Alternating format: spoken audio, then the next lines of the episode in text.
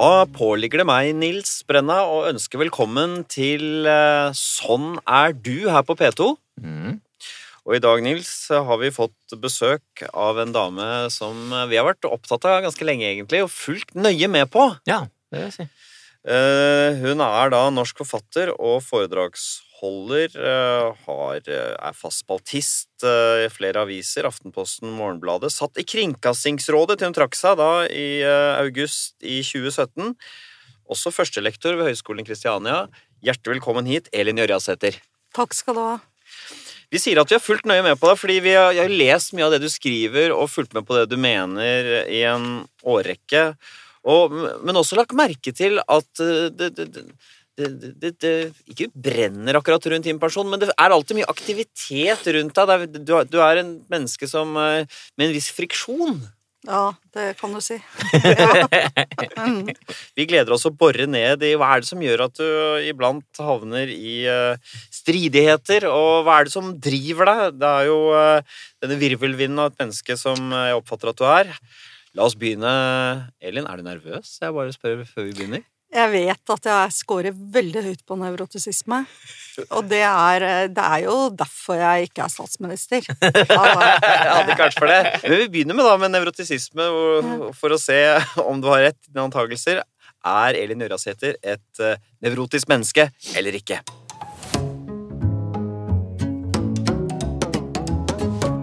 Nevrotisisme eh, Noen ganger blir det kalt for følelsesmessig eh, ustabilitet. Ja, og instabilitet blir det også kalt. Ja, og det går jo på det at eh, man ikke er helt i vater, at det er mye negative følelser som plager en. da. Mm. Og du nevnte angst, denne tilbøyeligheten til å oppleve uro. Eh, tenker du at du er et engstelig menneske, Elin? Ja, ja. Det er riktig. Altså, det er Det sier legen min nå. Det er ikke noe tvil. Ja, så er legen Ja, nettopp. Eh, 66, som er da 5-6 høyeste, så det stemmer. Mm. Så det er tydelig. Hva er det du, hva er det du bekymrer deg for? Nei, alt. Av og til er det bare sånn eksistensielt. Av og til kan det bare være sånn følelsen av tilværelsen som Mm. er uh, uutholdelig.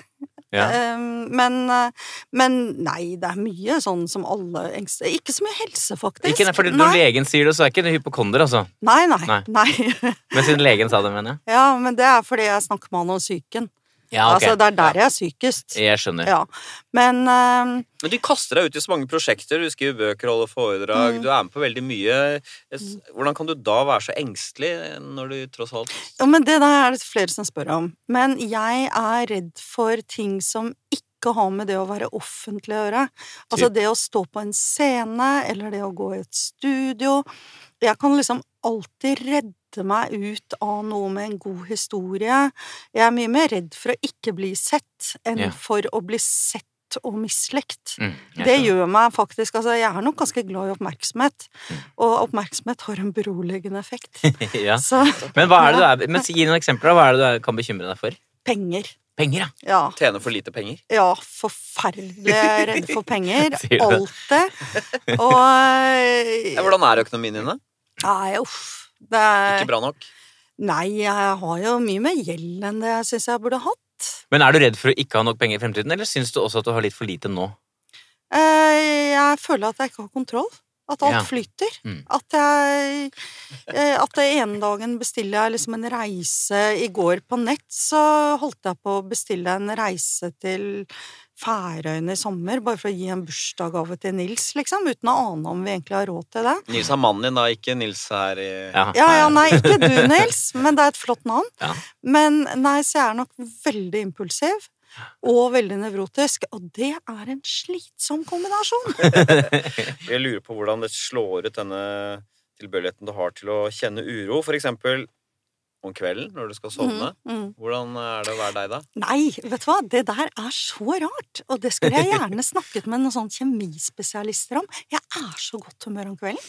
Ja, ja. Om kvelden så sitter jeg og tar sånne nye domener, for jeg tenker jeg skal starte nye firmaer, og så bestiller jeg ferier, og jeg er bare i kjempehumør om kvelden. Ja, så om morgenen, det er da angsten slår inn igjen. Og så når du- våkner jeg klokken fem, og så liksom bare brrr, Stort sett går jeg altså og legger meg med et smil om munnen, men Så våkner jeg, og så har jeg det helt grusomt. Og det der må være en kjemisk forklaring på. Nei, jeg vet ikke hva det kan være. Om eh, liksom, den delen av hjernen eh, som, hvor angsten sitter. Jeg tipper at det er amygdala, den lille kongle, mandelformede lille kjertelen som er en gammel del av hjernen. Kanskje slites ut da, i løpet av dagen.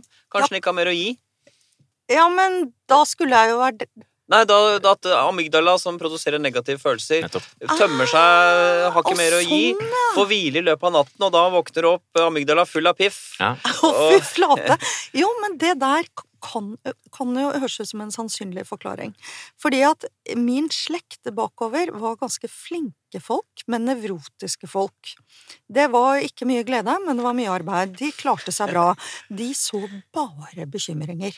Og de gjorde noe med det. Ikke sant? Ja, de gjorde noe med det, ja. Ja, ja. Handlekraft. handlekraft og eh, pløyde åker og bar stein og passet sauer og skrev bøker og det var liksom eh, aktivitet hele tiden.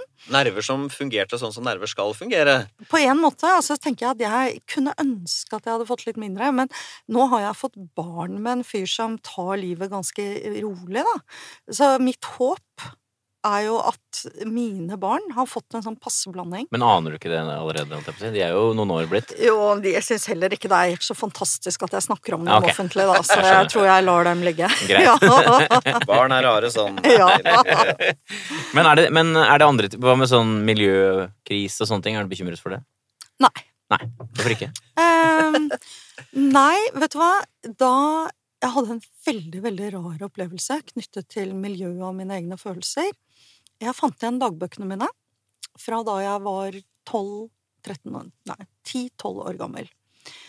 Og eh, hadde nær sagt Jeg ble jo tidlig suicidal, det høres litt fælt ut å si, men der eh, var det en eh, person som jeg da kunne lese, som planla å ta livet av seg fordi jorden kom til å gå til helvete. Oh, ja. Jeg var veldig politisk engasjert, og jeg eh, leste om miljøgiftene, og, og eh, særlig i Mjøsa var det mye fosfater, og det var, det var liksom Ja, det var mye alger i Mjøsa pga. Ja Ja, kunstgjødsel og ja og ja. og dette var jo da Dette må ha vært rundt eh, 72 Nei, rundt 72-74 miljøgifter. Og det barnet, Elin, mente altså at da var det best å dø før alt går til helvete. Og etter det så har jeg bare vært vaksinert. De folka der skal aldri få meg utfor noe selvmordsstup igjen, altså. Nå har det vært liksom å, varme og oppheting og sånn, men det er jo en sånn De påfører oss alle sånn dommedagsgreie, og så kommer de med det verste av alt. Det er jo det. Men barna skal overta jorden, så de må ta ansvar. Ja, Men herregud, det er jo barn. Og det skrev jeg i dagboken min. Jeg skri, skrev et eller annet Jeg skjønner at vi barn må redde jorden, men det tror jeg ikke vi klarer. Så derfor vil jeg heller dø. Stakkar. Ja. Så jeg, jeg, så jeg er litt sånn Jeg er litt hatefull overfor miljøbevegelsen. Skremte vannet av den gangen. Ja, Ja. ja, ja. Um, nevrotisisme handler jo ikke bare om angst, det handler også om hvor godt man tåler stress. Altså Mm. det som heter sårbarhet overfor stress. Hva tenker du om det selv her? Nei, jeg mister jo hodet når det er stress. Trenger ikke være så mye stress heller. Nei, altså det, Dette er ikke mm, interessant å diskutere engang. Nei, ok, Vi kan bare slå fast tallet først. da 67, Ja, som er sånn 2-3% høyeste. de 2-3 høyeste. Jeg var en gang eh, informasjonssjef i en bank. Mm. Den stressede informasjonssjefen. Ja, det var noen mulighet til noen fusjoner og noen greier som gjorde at jeg nok kunne blitt informasjonsdirektør. Og da tenkte jeg hvis vi gjør noe gærent i forhold til børsen, eller hvis det er et ran, så er det én som kommer til å klikke totalt aller først, og det er informasjonsdirektøren, og det er ikke bra. Eh, og derfor så ble jeg headhunter istedenfor. Ja. Og det som er bra med å bli headhunter, er at det er ingen øyeblikkelige stressituasjoner. Nei, Hvis du rekrutterer en feil person, så får du vite det langsomt. Etter flere år, ja. Nei, du får liksom først en telefon om at det ikke går så bra, og så får du Altså, Mm. eh, mens jeg kunne aldri vært eh, type ambulansesjåfør eller eh, lege på en akutt eh, legevakt. Altså, sånne yrker kunne ikke jeg hatt. Men hvordan er det du blir i sånne situasjoner, da? For å ta det helt konkret. Når det er stress? Nei, jeg bare IQ-en faller med 30 prosentpoeng. Altså, jeg gjør veldig rare ting. Som går ut av feil dør. Eh, Jeg hadde jo den store gleden å ha deg med på et opptak på TV-programmet Brille en gang. Og ja, store glede, fordi du gjorde en veldig god jobb. Eh, Men før opptak eh, så er det jo en litt sånn rar situasjon. Da går jo mange av de som er med, sånn som Tore Sagen, var med Egil Hegerberg, Mm. og jeg, da. Alle vi er jo ikke nevrotiske, vi er litt introverte. Vi går og surrer for oss selv. Litt flate, kan man også kanskje si. Det Gir ikke så mye. Nei. Mens Elin, litt sånn debutant og selvfølgelig litt sånn dårlig ivaretatt og blir gående for seg selv der Mm. og har disse nervene på toppen. Og da, da så jeg Da kvakk vi litt til, for da skjønte vi hvor ufølsomme vi har vært. Fordi da hadde, ikke vi merke til at du var ganske stressa, og da, Mm. Og da var du så lei deg etterpå og sendte mail, men du gjorde jo en kjempe... Men du har, jo, du har jo ikke sagt hva jeg faktisk gjorde. Jeg skjelte det. Du sa alle sa sånn før vi skulle ut, ikke sant, i studio og publikumskapet. Så sier du sånn Ja, er alt greit? Og så sa jeg nei, det er ikke det. Og så skjelte jeg dere ut alle sammen. Og det var bare nerver. Jeg var dritnervøs. Ja, selvfølgelig. Det er ikke så rart, det, da. Ja, og fordi altså, jeg syns jo typisk sånn humorprogrammer er sånn som jeg beundrer veldig, og jeg vil veldig gjerne gjøre det veldig bra, men jeg er urutinert på det. Og jeg er jo ikke liksom kjent for å være morsom, ikke sant. Jeg, så jeg er mye mer nervøs for et humorprogram enn for Dagsnytt 18. Og jeg var så nervøs, og dere var bare så uhøflige. Og flyplasser! Å, herregud! Flyplasser! Da begynner jeg å skrike. Ungene mine vil ikke reise med meg. For jeg begynner å skjelle ut Ta oss gjennom sånn. en sånn situasjon på flyplassen. Hva kan det være? Jo, eh, jeg har litt dårlig tid til flyet. Ja. Eh, og så står jeg der, og så kaver jeg, og så må jeg putte av meg alle tingene mine, og så mister jeg dem, og så sier de at de skal i hver sine bokser, og så kan jeg hyle til noen at de sniker, eller at Altså, sånne ting som er bare helt, helt Du skyter liksom vilt jeg rundt deg. skyter vilt, og det er så upassende, og det er så pinlig etterpå. Men, men det som jeg har lært av faren min, for han er akkurat litt samme typen, eller var, han er død nå, men jeg har jo lett for å be om unnskyldning. Mm. Jeg, altså, jeg har ikke noe Jeg ser jo Jeg er jo ikke psykotisk, jeg er psykotisk i gjerningsøyeblikket, Mm. men den psykosen går over med en gang jeg på en måte skjønner at jeg rakk det flyet, Mm. og da Angrer du, eller bare Ja. Ja. Det er jo pinlig, jeg driter meg jo ut. Og, og det er noen ulemper også med at noen vet I den flykøen så er det alltid noen som vet hva jeg heter og hvem jeg er. Ja, det er Og det. det er ikke noe gøy.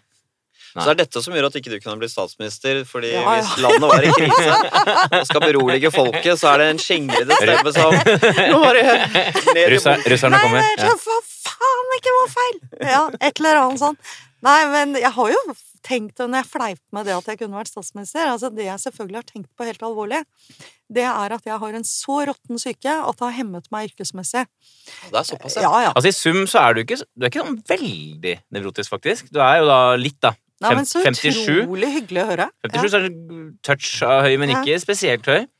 Eh, Det er nesten i normalområdet. Du er høy på angst og sårbarhet og for stress. da. Men et unevrotisk trekk du har. Du er veldig lite selvbevisst. altså Du har lite sosial angst. Du er ganske fri i sosiale Mm. sammenhenger. Og så har du kvitta deg med det, den eventuelle tungsinnet fra barndommen. Du er ikke så tungsindig, egentlig. Du er lav på Nei. depresjonsscore.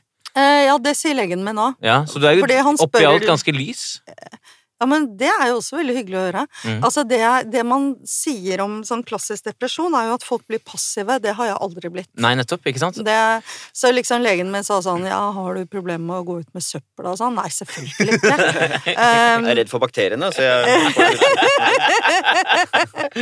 nei, så, så jeg er nok en mye mer sånn uh, eh, Nei, jeg er nok ikke depressiv. Og det når folk beskriver en depresjon hvor alt blir grått rundt dem, der har jeg aldri Nei, vært. det er farger rundt deg. Ja, det kan være litt panikk, men det er ikke grått. Ja, fordi opp- Oppsummert så er det to av seks områder du er nevrotisk på. Det er jo bekymringene, og så er det lettstressethet. Mm. To av seks. Ja, så da slår vi fast at du er litt nevrotisk, men ikke så gæli heller, skjønner du, Elin.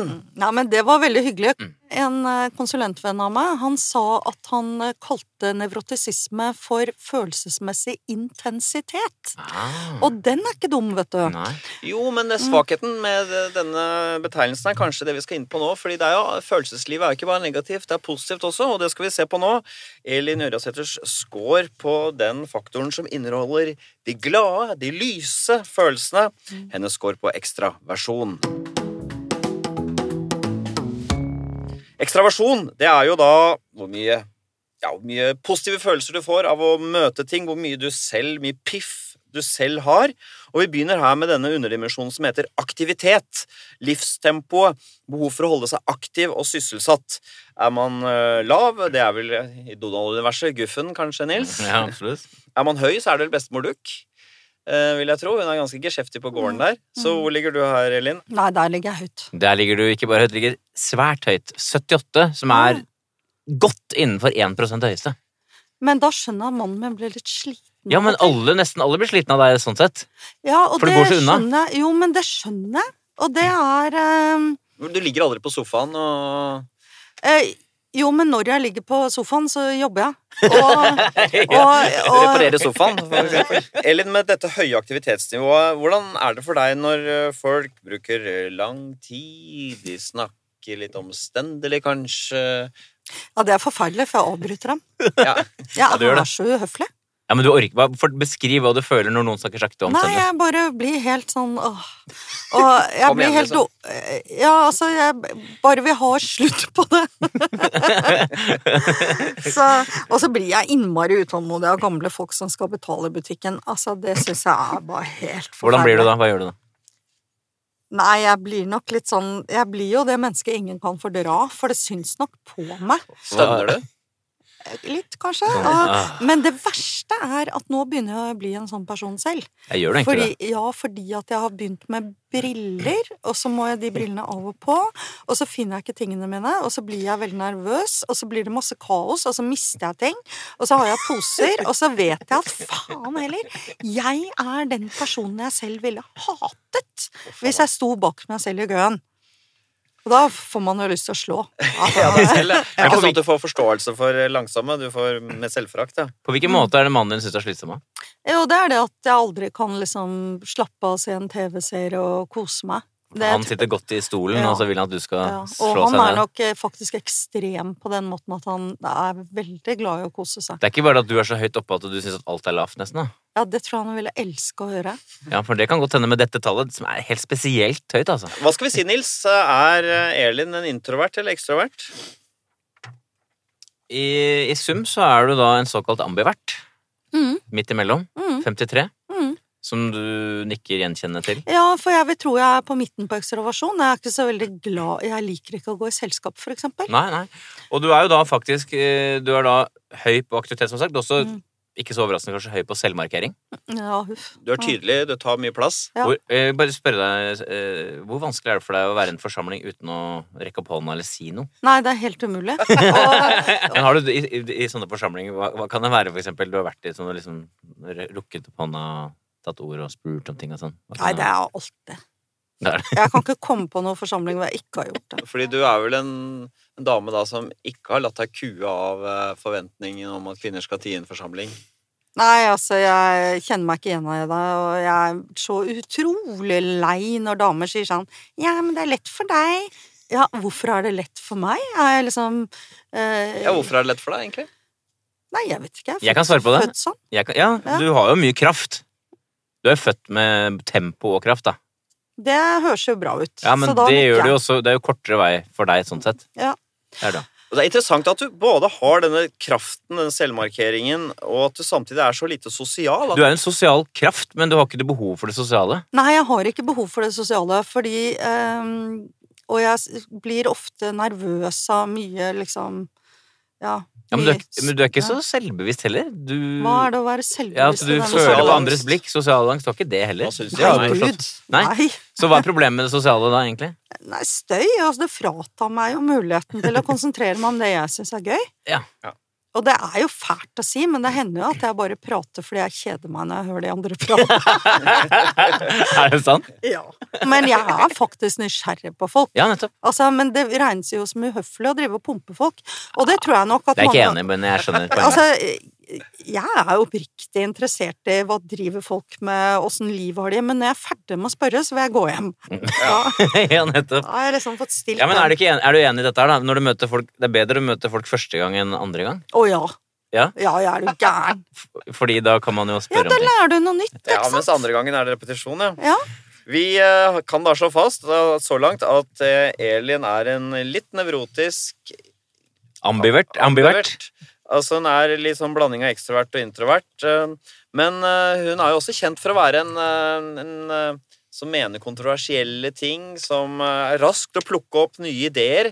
Plukket dette opp av testen vår også, Nils. Nå skal vi se på Elin Ørjasæters score på faktoren åpenhet. Du hører på Sånn er du på NRK P2. Dagens gjest er Elin Ørjasæter. Åpenhet det handler altså om nysgjerrighet på nye erfaringer og kunnskap. Og øh, også det vi skal begynne med, den underdimensjonen, den fasetten som heter åpenhet for estetikk, hvor mottagelig man er for kunstopplevelser. Hva tenker du her? Spiller Ja, jeg kun- tror jeg er lav. Det er riktig. Ja. 36. Tydelig lav. Mm. Hva var det som fikk deg til å si det? Uh, nei, det er vel litt eh, Leser lite skjønnlitteratur. Men Hvorfor? når jeg gjør det, så anmelder jeg det. Så jeg, Er det jobb, da, på en måte? ja, da er det jobb, og da er det nyttig. Men det, jeg syns synes det er interessant. øh, Man skulle tro Du vokser opp et hjem. Du er datter av Tordis Ørjasæter, Jo Ørjasæter, begge to litteraturkritikere. Du Mm. vokser opp et hjem fullt av bøker, men selv har, har du ikke noe sant for fiksjon. Um, det var jo også sakprosa hjemme hos oss. Og eh, m- mamma og pappa, eller særlig pappa, oversatte jo skjønnlitteratur, men selv så leste han helst sakprosa hvis han oh, ja. Han var sånn som kunne sitte i trappen og pugge Fegris, Knut Fegris trebindsverk om norske planter. Okay. Så jeg tror nok jeg bare har arvet eh, litt den interessen for det faktuelle, da. Men du vokste i hvert fall opp i et hjem hvor du hadde tilgang på Masse romaner. bøker. Ja, ja, ja. Så sånn sett så skulle man tro at hjemmemiljøet ditt ville i hvert fall gjort deg til en Ja, pappa var teaterkritiker, så jeg gikk jo på teater fra jeg var liten og så voksenstykker, og var på alle generalprøver og Hvor mye går du på teater nå, da? aldri. Jeg gikk faktisk eh, Jeg var på teater fordi jeg så Else Kåss en Gratulerer, Ja. og det var jo bare fordi at jeg ble kjent med henne på eh, Mandagsklubben, heter det vel. Ja. Eh, Så tenkte jeg jøss, det er liksom en jeg kjenner som står på scenen, det må jeg gå og se, og det var gøy. Og etter det har jeg faktisk bestemt meg for å gå litt mer på teater. Mm. Men det er jo 30 år siden sist, for det var når jeg gikk med pappa. Eller 40 år siden sist. Jeg håper folk hører på det og, og drar den uh, slutning at det er ikke sånn at hvis du lar barna gå masse på teater, så blir de teaterelskere. Nei, overhodet ikke. Beskriv den kjedelige følelsen av å lese vanlig skjønnlitteratur, da. At det er ikke nyttig for noe. Nei. Nei. Det er rett og slett ikke spesielt nyttig. Ringenes herre. Nei, gud! Og det er det verste! Vet du hva, jeg gikk når jeg så Ringenes herre på kino. Jeg gikk fordi at jeg skulle sammen med ungene mine, og for det første var det for skremmende. Og når jeg, har, jeg var på kino sist og så siste Star Wars, vet du hva, jeg sovnet i stolen. Det er det kjedeligste jeg har sett i hele mitt liv. Ja, Men du skal ikke gå på sånt. Nei, Hva med musikk? ja, unnskyld. Hva med musikk? Spiller musikk Nei. en viktig rolle i livet ditt? nei um, det gjorde det. For jeg hadde en drøm om å bli syngedame. Å ja. Ja, jeg spilte klassisk gitar, og jeg liksom var sånn Joan Baez og Joni Mitchell, og jeg var liksom der når jeg var tenåring. Så da gikk jeg jo både og tok sangtimer og gitartimer, og så gikk jeg vel fire uker på musikklinja på Ruud videregående. Så musikk har spilt en rolle i livet mitt, men jeg har bare skrudd det av. Hvordan skrudde du av det? Nei, jeg har bare bestemt meg for å ikke høre mer på musikk. Altså, du har begrenset med tid i livet. Du som er så geskjeftig, jeg skulle tro at du klarte å putte inn noe trudelutter her og der. Ja. Så er Elin Ørjasæter et uh, åpent menneske, sånn som vi definerer det, Nils? Nei, ikke sånn som testen definerer det. Da er du nokså lav på åpenhet. 42. Eh, ikke superlavt, men ganske lavt. Du er Mm. toucha høy da på å uh, gjøre nye ting. Du er Mm. toucha lav på åpenhet for følelser. Og så er du meget lav på intellektuell nysgjerrighet. Det er jeg overrasket over. Det overrasket meg jo. Men hvilke spørsmål i testen er det som Det er eh, vel tankene ut tankenøtter og universet og abstrakte ideer Ja, for det forbinder jeg bare med sånne der idiotgutter som er eh, sånn derre Det er mer mellom himmel og jord, og det er sånne som ser på Ringenes herre og sånn. Altså, så Altså- du vil ikke diskutere Er sånn det høy på fantasi som ser på Ringenes herre? Eh, De som er høye på ja fantasi, vel, de er ja. mer ja, der. Intellektuell nysgjerrighet er å diskutere sånn uh, Ja, diskutere teorier, da. Jeg trodde du var opptatt av f.eks. ideologiske Jo. forskjeller. Jo, men det er jeg jo. Så det, men ikke så mye sånn uh, Big Bang det, sånn uh, Nei, eh, jeg tror nok Altså, det er en egen diskusjon, men det er oversettelsen av disse testene. Fordi jeg oppfatter at eh, oversettelsen av og til er sånn at det kan bli litt feil. Ja, nettopp. Aha. For du, likte, du liker å lese fagbøker. eh, Jeg du- elsker fagbøker, Og og, likte deg på skolen kanskje også? og ja. Ja. Du var skoleflink, sikkert. Jeg var skoleflink fram til jeg bestemte meg for å slutte å være skoleflink. Da var jeg 14 år og fikk andre interesser. Ja, ok. Mm. Så du, så du klarer å lese vanskelige ting ganske fort, og Ja. skjønne ting, hvis det er Ja, det du ja. gjør? ja.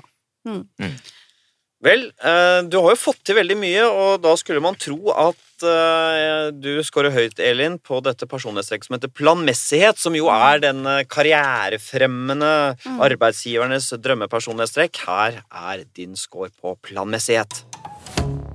Vi begynner med en underdimensjon ved planmessighet som kalles for prestasjonsstreben. Vi kan like gjerne kalle det for det å være ambisiøs, Nils. Ja. Så det handler jo om i hvilken grad du drives av egne prestasjoner. Er det sånn at du scorer høyt her, da, så eh, er du iherdig og målbevisst. Du har en tydelig retning i livet. Du setter deg et mål. Scorer du lavt, så ja, du har ikke noe plan, på en måte. Det er ikke et eller annet så 'jeg skal bli best i det', eller ja. Hva, hva tenker du om deg selv? Nei, jeg har nok Jeg er nok veldig målbevisst, men jeg ombestemmer meg liksom hele tiden. Og da, hva blir resultatet da? Ja, det blir såpass høyt som 67, da, som Ja, er ok. tydelig eh, høyt. Ja, ok. Så, men du sier målbevisst. Hva legger du i det, da? Nei, jeg er nok veldig tydelig på hva jeg vil, og kutter ut andre ting da, men det som irriterer meg, er jo at jeg ikke klarer å holde fast ved noe. Du er mangler stayerevne. Ja, men det jeg mangler stayerevne. Men jeg har tenkt fader at jeg ikke hvorfor, hvorfor fortsatte jeg ikke å være headhunter, så hadde jeg vært rik i dag? Eller hvorfor Ja, hvorfor fortsatte du ikke? Ja, hva er svaret? for det var dritkjedelig etter hvert. Ja, så det er, det er på en måte spenningen, søken Ja, altså det er den spenningen, nysgjerrigheten, eh, eh, som har vært min økonomiske bane, Ja. egentlig. Så det er Men ikke nevrotisismen din, egentlig? Det er det at du kjeder deg fort? ja, en bland de to. Men hva, Det er en dødelig cocktail! men hva, gjorde du, hva gjorde du etter videregående? Eh, jeg gikk ikke på videregående. Nei, det gikk ikke på Nei. videregående. Hva, gjorde- hva gjorde du da? Nei, jeg gikk til psykolog. Gjorde det. Ja, nei, jeg gjorde jo alt mulig. Jeg jobbet på um, eh, kjøkkenet på Hjelmsgate 3. Da var jeg 15 år. Hva, så, du- hva så du for deg da? Hva, Og det var før metoo-kampanjen. Det kan du bare være helt sikker på. fortell. Nei, altså, herregud. Kjøkkenet på Hjelms gate 3 med liksom sånne frie anarkister, og der var jeg sånn lyshåret, uskyldig 15-åring. Um, jeg må si at Nei, vet du hva, jeg skal ikke si mer om det. Jeg tror det er en generasjonsforskjell når det gjelder metoo-kampanjen. Var du plaget av det? Eh, nei, men jeg tror at jenter på min alder ble litt røffere. Eh, og eh, det er noe med å bli streetwise. Ja, så, Jeg syns det er mye som er bra med metoo-kampanjen, men samtidig så blir jeg litt sånn ja, men faen heller, hvorfor sa du ikke fra med en gang? da? Men du som kan så mye om personlighet, eh, du vil ikke tro at noen herdes av å bli sånn, behandlet eh, på en dårlig måte av menn, mens noen blir vel skadet av det òg, tror du ikke det? Jo, men sånn er det jo med alt i livet. Jo, ja, men se på og da naturen, da. å Altså 20% av fugleungene dør hele Jo, jo, men vi er en grunn til at vi har laga et system hvor ikke 20 av mennesker bare dør. Da. Så i sum så vil jo kanskje det være bra å beskytte folk litt. Eller? Jo, selvfølgelig. Selvfølgelig. Hvordan havnet vi i denne diskusjonen, egentlig? Jo, fordi du mente at din generasjon kvinner har hatt litt godt av og blitt litt tøffe av å blitt litt tafset på. Men, sånn skal jeg forstå det. Ja, i hvert fall så får du eh, eh, Altså, jeg har tenkt tilbake på noen av de tingene i min tidlige yrkeskarriere. Dersom jeg skulle tatt det like tungt som dagens jenter tar, så ville jeg jo liksom bare ligge og gråte, men dette er jo ikke ting jeg skjenker en tanke. Nei. Når sjefen på kjøkkenet skjenket meg dritings, og han var 20 år eldre og fikk meg med hjem og lå med meg, Ja, så syns jo jeg det var helt grusomt dagen etter. Men jeg gikk jo og tenkte på det i nøyaktig tre dager, og siden har jeg ikke skjenket det én tanke. Nei. Og hvorfor skulle jeg det? Dyrkes det litt nå, er det det du sier? Eh, jeg syns at det er for stor aksept for at man ikke sier fra med en gang. Ja, skjønner. Eh, det å si at hele tiden snakke om disse ekstremt modige varslerne som står fram Stå fram! Åtte år etterpå, liksom. Mm.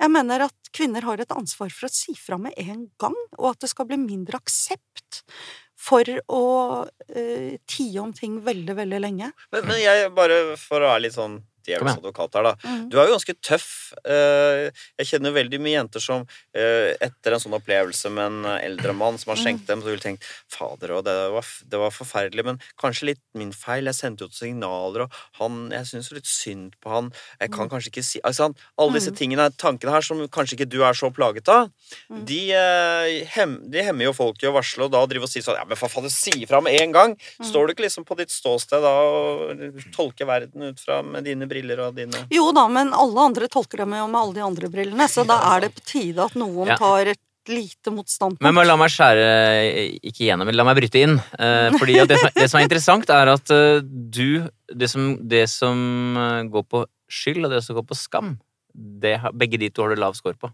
Å ja. Du har lav depresjon, som går, går skyldfølelse, og så har du lav selvbevissthet, som gir skamfølelse, så du er ikke en del av de Du tar deg en dusj jentene. dagen etter og Ja, men det er jo faktisk det som er fornuftig å gjøre, da. Ja, ja. Og så anlegg for hevn! Og, ja, For det det, det. er, altså, for det er jo det jeg savner litt. Ja. Man, altså, er man blitt ydmyket, så bør man jo hevne seg.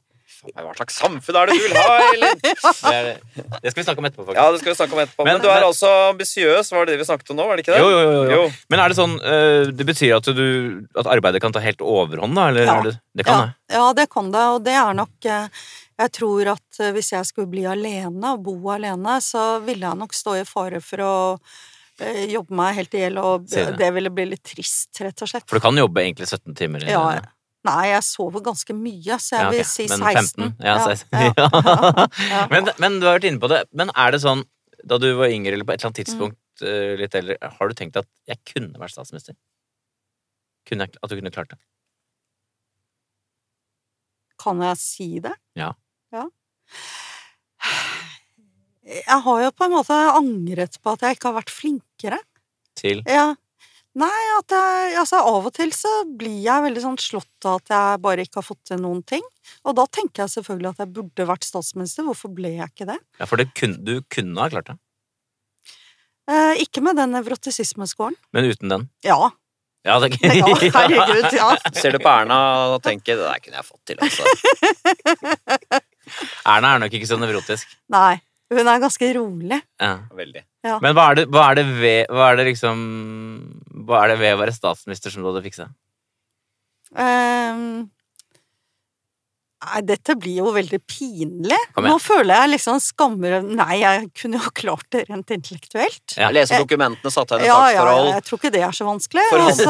Og så vært profesjonelt hyggelig med folk. Ja. Jeg er ganske god til å være profesjonelt hyggelig hvis jeg ser at det bør jeg være. Ville du vært god i møte med Trump? Eh, ja, selvfølgelig. Ja. Det hadde vært fantastisk å møte han. Ja, ja, ja.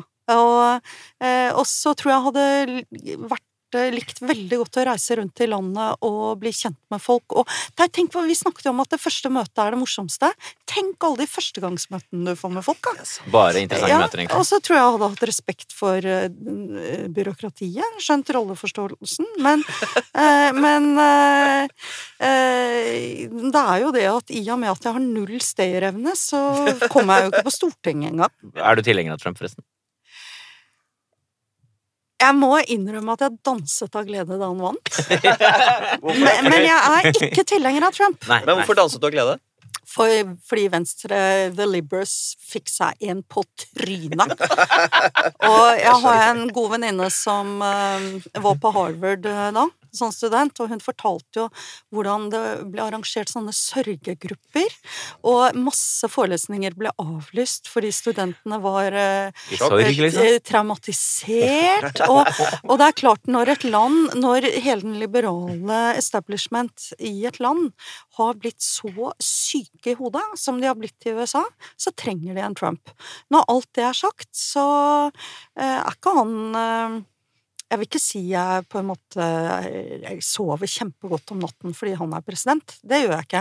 Og jeg tror nok jeg hadde stemt på Bernie Sanders Mm. selv, hvis Mm. jeg hadde vært amerikaner.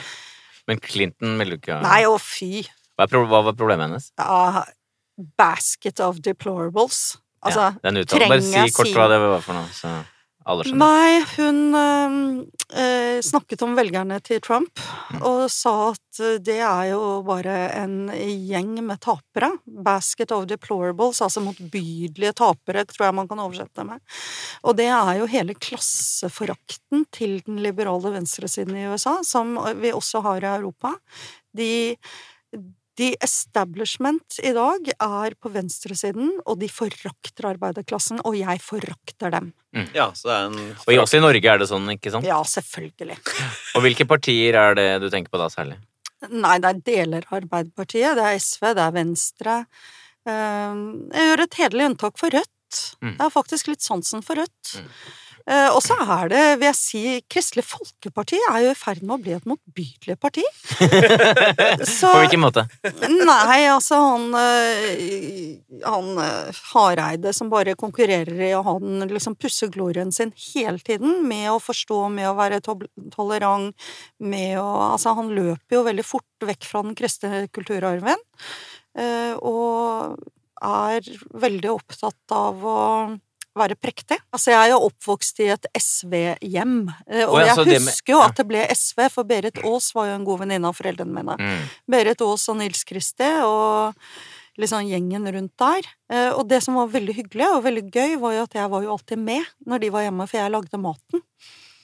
Så ehm, Så Du jeg hørte på samtalen og fulgte med? hørte på. Du deltok? Jeg og- deltok, tror Ledet jeg. samtalen. Jeg trodde du sto på kjøkkenet og lagde mat, jeg skjønner du. Ja, men jeg lagde pizza, så det var ferdig da når gjestene kom. Pizza var liksom veldig hot da. Ja, det er sant, det. Så, um, så jeg fikk jo være med på veldig mange diskusjoner, og jeg var jo veldig enig med dem. Og jeg prøvde å melde meg inn i Sosialistisk Folkeparti da jeg var barn. Jeg var en av forløperne til SV, men de ville ikke ha meg fordi jeg var for ung. Men jeg var veldig opptatt av politikk helt fra jeg var ganske liten, og derfor kom jo også disse selvmordstankene med miljø og Ja. For jeg tok det jo så forbanna Mm. på alvor, ikke sant. Men så begynte det å, å, snu seg litt andre veien. Hva, mm. hva var det som førte til det? At du Nei, det handlet veldig mye om at jeg ble opptatt av hvem er ofrene. Mm. Og det gjaldt særlig kriminalpolitikken. Er det én ting man kunne si i mitt hjem og virkelig bli utstøtt, så var det hvis man sa noe negativt om Inger Louise Valle eller Nils Kristi eller hele denne alternative, humane kriminalpolitikken. Og hva er det de sto for? eh? De sto jo for lavere straffer og, og en veldig forskningsmessig opptatt av, opptatthet av gjerningsmannen. Heller enn å være opptatt av ofrene? Ofrene, og det å være opptatt av ofrene var helt eh, Det var høyrevridd og det var reaksjonært. høyrevridd og reaksjonært. Jeg husker en gang jeg leste om en tobakkshandler, dette var den gangen det fantes tobakkshandlere, som hadde blitt eh, gått løs på eh, to flyktninger, unge menn, hadde gått løs på han med øks, han hadde blitt alvorlig skadet. Og jeg fortalte det hjemme, og så sa foreldrene mine Tenk hva disse unge guttene har gjennomgått. Det var deres umiddelbare reaksjon. Og så ringte jeg en i familien eh, da tvillingtårnene falt. Og jeg ringte instinktivt. Du ringer dine nærmeste, ikke sant. Det var bare helt, jeg var helt i sjokk, som vi alle var. Og vedkommende sa tenk på de stakkars muslimene nå. Ja, det var første reaksjonen, ja. Hva tenker du er liksom venstresidens problem? Er det de gjør feil? Det er jo det at de anser seg selv som moralsk overlegne, og en eh, av liksom tidenes store guruer eh, nå, han heter Peterson et eller annet. Jordan Peterson. Jordan Peterson. Kanadisk at- psykolog. Ja, han sier jo at venstresiden er egentlig religiøse. Dette er blitt en religion, og de oppfører seg som om de er en del av en menighet, hvor hvis du sier noe feil, så blir du utstøtt uten begrunnelse. Du får bare beskjed om at du har sagt noe feil, uten at de trenger å argumentere for det, fordi de er moralsk overlegne. Mm. Eh, og dette mener jeg er venstresidens store problem i dag. Og den er da et stykke inn i Arbeiderpartiet også. Å ja, ja, ja. Dessverre. Jeg kunne godt tenkt meg å stemt Arbeiderpartiet. Jeg kunne meldt meg inn til og med, hvis de bare tok seg sammen og kuttet ut akkurat den delen av det. Ja, Du, du blir jo ikke statsminister hvis du ikke klarer å svelge den kamelen der. Du må jo Nei, jeg blir ikke det, vet Ja, men eh, Erna Solberg eh, Ja, det er sant. Du kunne er jo bytta på Høyre. statsminister. Ja. ja, det er sant, men Ja. eh. Jo, men Høyre er blitt altfor vassent, vet du. Og ja. Mm. Hva stemmer du? Hva stemte du nå? Jeg stemte Fremskrittspartiet sist. Ja. Mm. Men det, det er sånn som kost, Det er jo noe av det mest punk, punke man kan høre i mange kretser i Norge. Ja, det koster noe å si, så nå mister jeg vel kanskje fire foredrag av den uttalelsen. Og så får du vel et par nye òg, kanskje? Nei, jeg gjør ikke det, skjønner du. Men eh, du er da, eh, for å oppsummere planmessighetsfaktoren, du er gjennomsnittlig eh, Scoren din er 47, og hvor 50 er midt på treet, da. Men du, det som trekker opp, er at du er veldig ambisiøs. Og det som trekker ned, er at du er ganske rotete. Ja, og det er så synd, vet du. Og så er du uh, ubetenksom. Det betyr at du ikke har en veldig sånn konsekvensanalyse når du setter i gang eh, Nei, ting. overhodet ikke. Så sammen med at du har det lille nevrotiske trekket impulsivitet, at du Mm. gir etter for fristelser, og det at du ikke er god på konsekvensanalyse, ville vel, tenker jeg, ødelegge litt for statsministerjobben din. Altså, Har du, Ja, så du har gjort litt mye Du har sikkert gjort noen ting som uh, Ja, og jeg har gjort ting. så mye Vet du hva, jeg meldte meg ut av Kringkastingsrådet. hvorfor gjorde du det?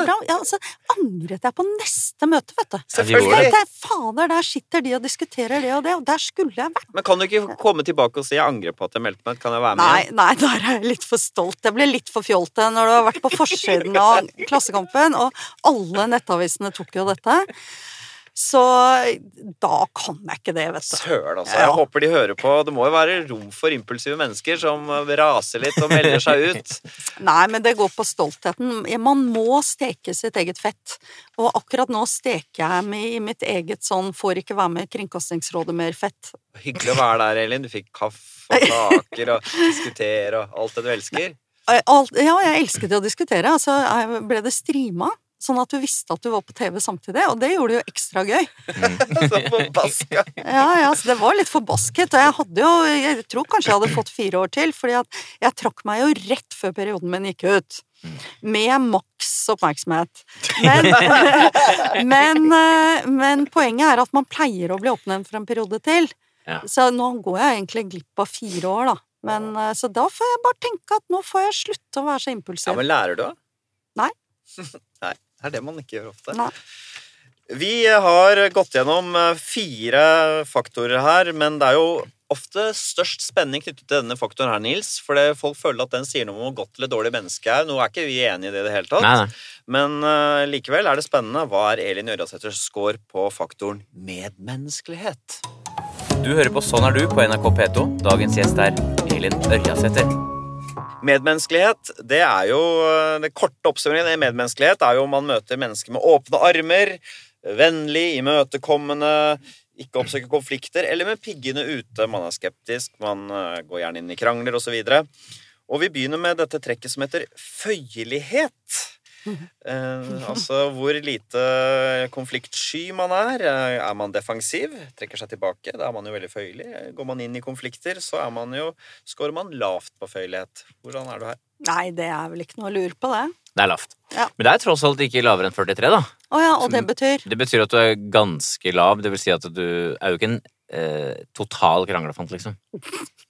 Men det Men- betyr at du Men du er på kranglefantsiden. ja. Er du en kranglefant? Eh, ja, i hvert fall hvis jeg kjeder meg, så syns jeg det er greit å sette i gang en krangel. Ja. gi et eksempel på hvilke situasjoner du kan sette i gang krangel på. ja, det er jo på fester, for da kjeder jeg meg alltid. Hva kan du si da, for eksempel? Nei, Det er veldig, veldig lett Alltid noe med kjønn. Ja. Ja, det er lett å Altså, krangle om. Ja, det er lett å krangle om. Kvinner kan ikke lukeparkere, og så er man i gang, ikke sant. Ja, du går jo helt ned på det nivået. Ja, for å- man må være konkret fra forrige gang nå. Men er du sta, altså sånn at du står på Nei, overhodet ikke. Nei. Og jeg kan også gi meg offentlig. Ja. Jeg husker jeg hadde en eh, harang for noen år tilbake om kvinner i styrer, hvor jeg sa at kvinner i styrer er jo bare selskapsdamer, for de har ikke kompetanse. Og da, eh, og da var det noen eh, så Jeg fikk selvfølgelig masse sånne tåpelige avisinnlegg etter meg, men jeg fikk ett som var veldig godt. Og det var to damer som eh, Jeg husker ikke akkurat hva argumentasjonen var, men de argumenterte for hvorfor jeg tok feil, og da endra jeg faktisk mening. Ja. Um, om jeg gjorde det offentlig, husker jeg ikke, men jeg kunne godt gjort det offentlig. Men Hvordan blir du i konflikter da, når det smeller? Nei, altså, nå snakker vi jo om verbale konflikter, Mm. og vi er ikke på flyplass hvor flyet går-nivå, men vi er i rolige omgivelser hvor Mm. man kun har en diskusjon. Um, nei, jeg oppfatter jo ikke det som konflikter, jeg opplever det som Nei. moro, at man Ja. diskuterer det. ja. Ja. Men har du fått mange uvenner fordi du Ja, ja, det er jo en del menighetsmedlemmer på venstresiden som syns jeg er et grusomt menneske. Og det beste jeg vet, det er jo når man er på Dagsnytt 18 eller noe sånt, og er skikkelig uvenner i studio, og så er folk hyggelige før og etterpå. Mm. Det er bare helt fantastisk. Ja, for det har ikke du noe problem med da å bare inn og friksjon, og så legger du vekk etterpå? Selvfølgelig ikke. Nei. Men, eh, men du blir jo tilsvarende glad når eh, Altså, en politiker jeg elsker, og som jeg vet alle elsker, det er jo han eh, Bård Vegar Solhjell, for eksempel. Mm. Han er jo kjempehyggelig. Mm. Og han og jeg hadde hatt en krangel i studio hvor det viste seg at han hadde rett, og jeg tok helt feil. Og så forklarte han meg det etterpå, men på en sånn godt humørmåte. Altså, Mm, ja. fantastisk sosialt ålreit person. Mm. Ja, han er virkelig en sånn uh, Det er synd han sluttet i politikken. Nei, det er bra, for det hadde gått bra med SV hvis han hadde fortsatt. Ja, sånn Men du, eh, hva, med sånn, hva tenker du om hevn? Eh, Hevn er jo undervurdert. Og jeg har veldig vanskelig for å forstå at det norske samfunnet ikke tar hevn over Bård Brei... eh, Nei, hva heter han? Anders Behring Breivik. Anders Behring Breivik. At vi driver en human rettspleie i forhold til et sånt menneske, det forstår jeg ikke. Mm. Og jeg tror at det er usunt at vi ikke har et element av hevn i rettspleien i forhold til den type handlinger som det han Mm. eh, Men det er intellektuelt resonnement. Hva, hva, hva føler du selv, og, og hva har du kjent på selv av hevn? Ja, det ble veldig personlig. Ja, vær så god. det er det, det. Sånn Kolon? Kolon? Nei, vet du hva, det, da kommer vi inn på situasjoner som jeg ikke har tenkt å sitte og brette ut om her, da. Men er det sånn at noen er du sikker? Ja.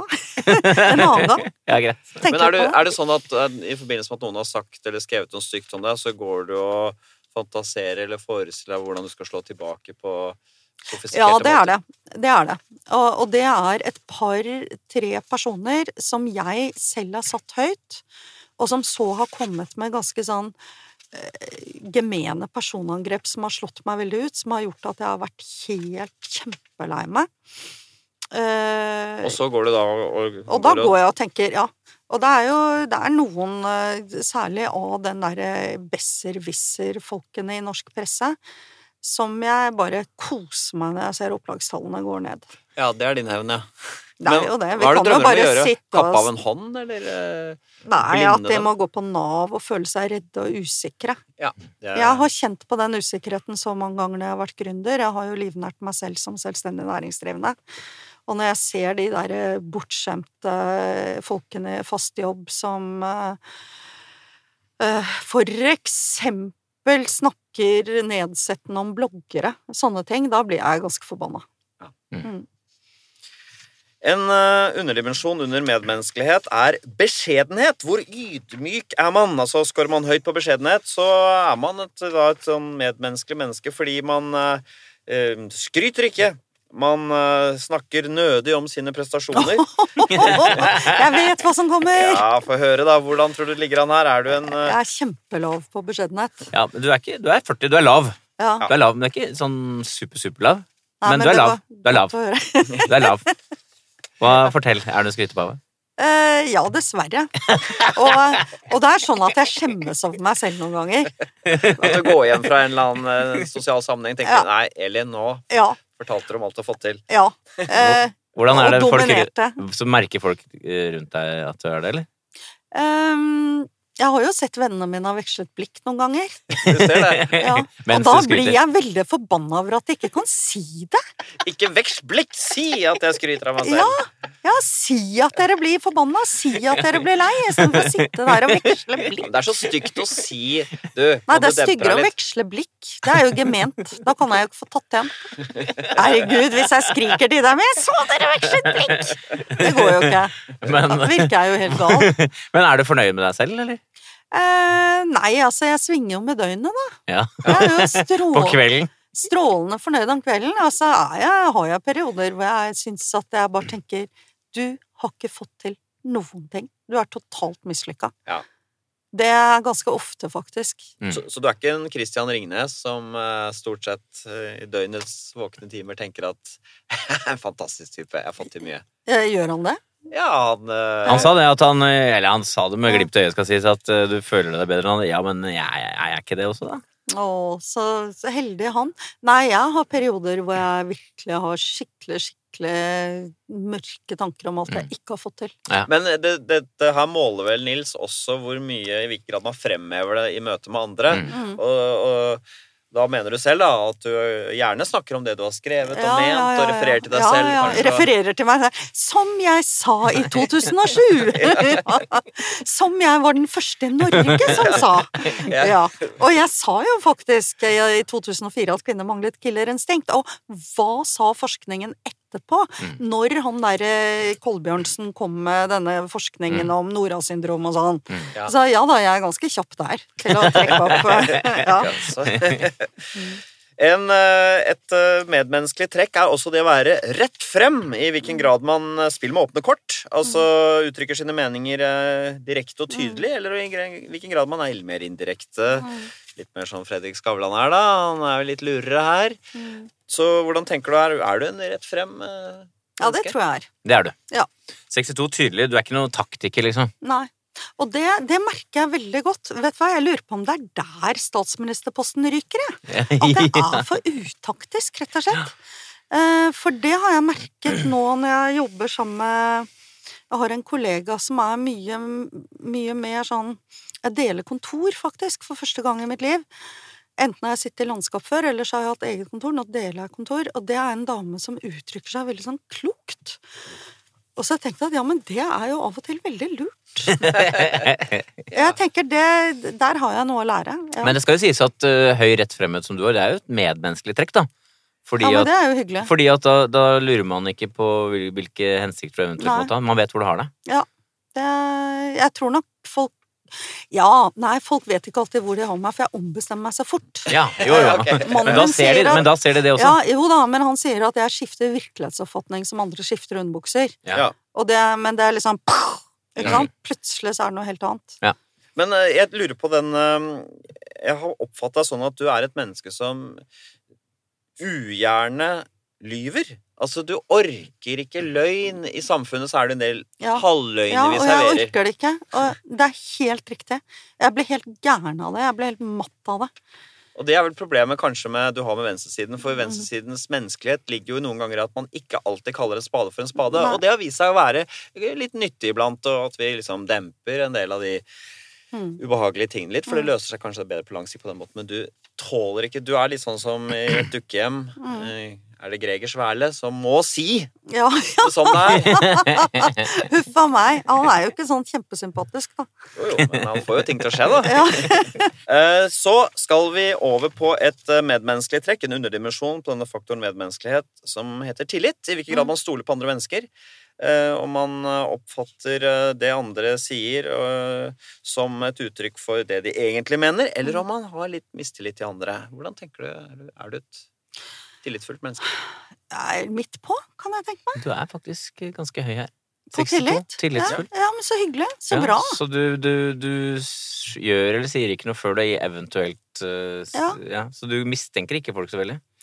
Nei, men altså, vi kan jo stort sett stole på folk, da. Ja, det er din erfaring. Vi er jo enige i det, Harald. Vi er jo samme her. Vi er tillitsfulle folk selv. Ja. Ja, altså Hvis du legger fra deg lommeboken et sted, så er det jo veldig sannsynlig at det er noen som plukker den opp og ringer deg. Mm.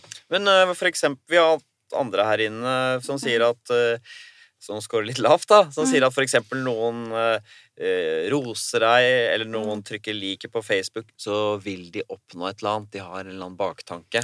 Jo, men, de, jo, men det er litt feil, tenk, tenker jeg. For det er ikke det at de har en baktanke, men det er det at vi er biologiske vesener. Vi er gruppedyr. Og hvis jeg klør litt på deg nå, Nils, så klør du meg litt tilbake, og det er sjimpansefaktoren i oss. Og det er veldig menneskelig. Så hvis noen liker noe jeg har skrevet på Facebook, så skjønner jo jeg at de Det er jo Det er kanskje ikke bevisst, men de, det ligger Vi er mennesker. Men du har ikke noe mot det, du, eh, for å si det sånn? Nei, Jeg syns det er kos. Ja. Ja. Nettopp, og det er jo det denne høye scoren kan Ja. være et uttrykk for. Så Du er for det systemet, hvor Om å klø hverandre litt frem og tilbake. eh, ja, for jeg tror ikke det er så veldig planlagt. Jeg tror det er en impulsfølelse av at vi trenger hverandre. Mm. Ja, la oss oppsummere. Elin Ørjasæter, Nils, har hun eh, høy lav score på medmenneskelighet? Hun har eh, litt lav, eh, litt over 40, Mm. som er sånn toucha lav. Og det som drar deg ned, er jo da at du er litt kranglete, litt ubeskjeden. Mm, Men så er du da tillitsfull mm, og rett frem. Lett å lese. Så der ligger du i landskapet. Vi har kommet til veis ende. Det er på tide å oppsummere Elin Ørjasæter og hennes eh, personlighet. Her kommer fasiten om Elin. Elin, du er jo en virvelvind av et menneske. Du eh, er, eh, du har fryktelig mye aktivitet. Du virvler opp masse nytt og interessant hele tiden. Og som en virvelvind så virvler det også inn i mye som du ikke hadde planlagt. Det er jo strid og kiv. Um, og da eh, har jo du selv forklart, du gjør som For å fortsette denne virvelvindmetaforen, da. Du, da rykker du deg ut og drar til et nytt sted. Så um, du har jo snakket litt om dette, den drømmen om å bli statsminister. Vi har vel funnet noen fire-fem grunner til at uh, det, Mange, ma mange grunner for, men også noen imot, da. Ja, ja.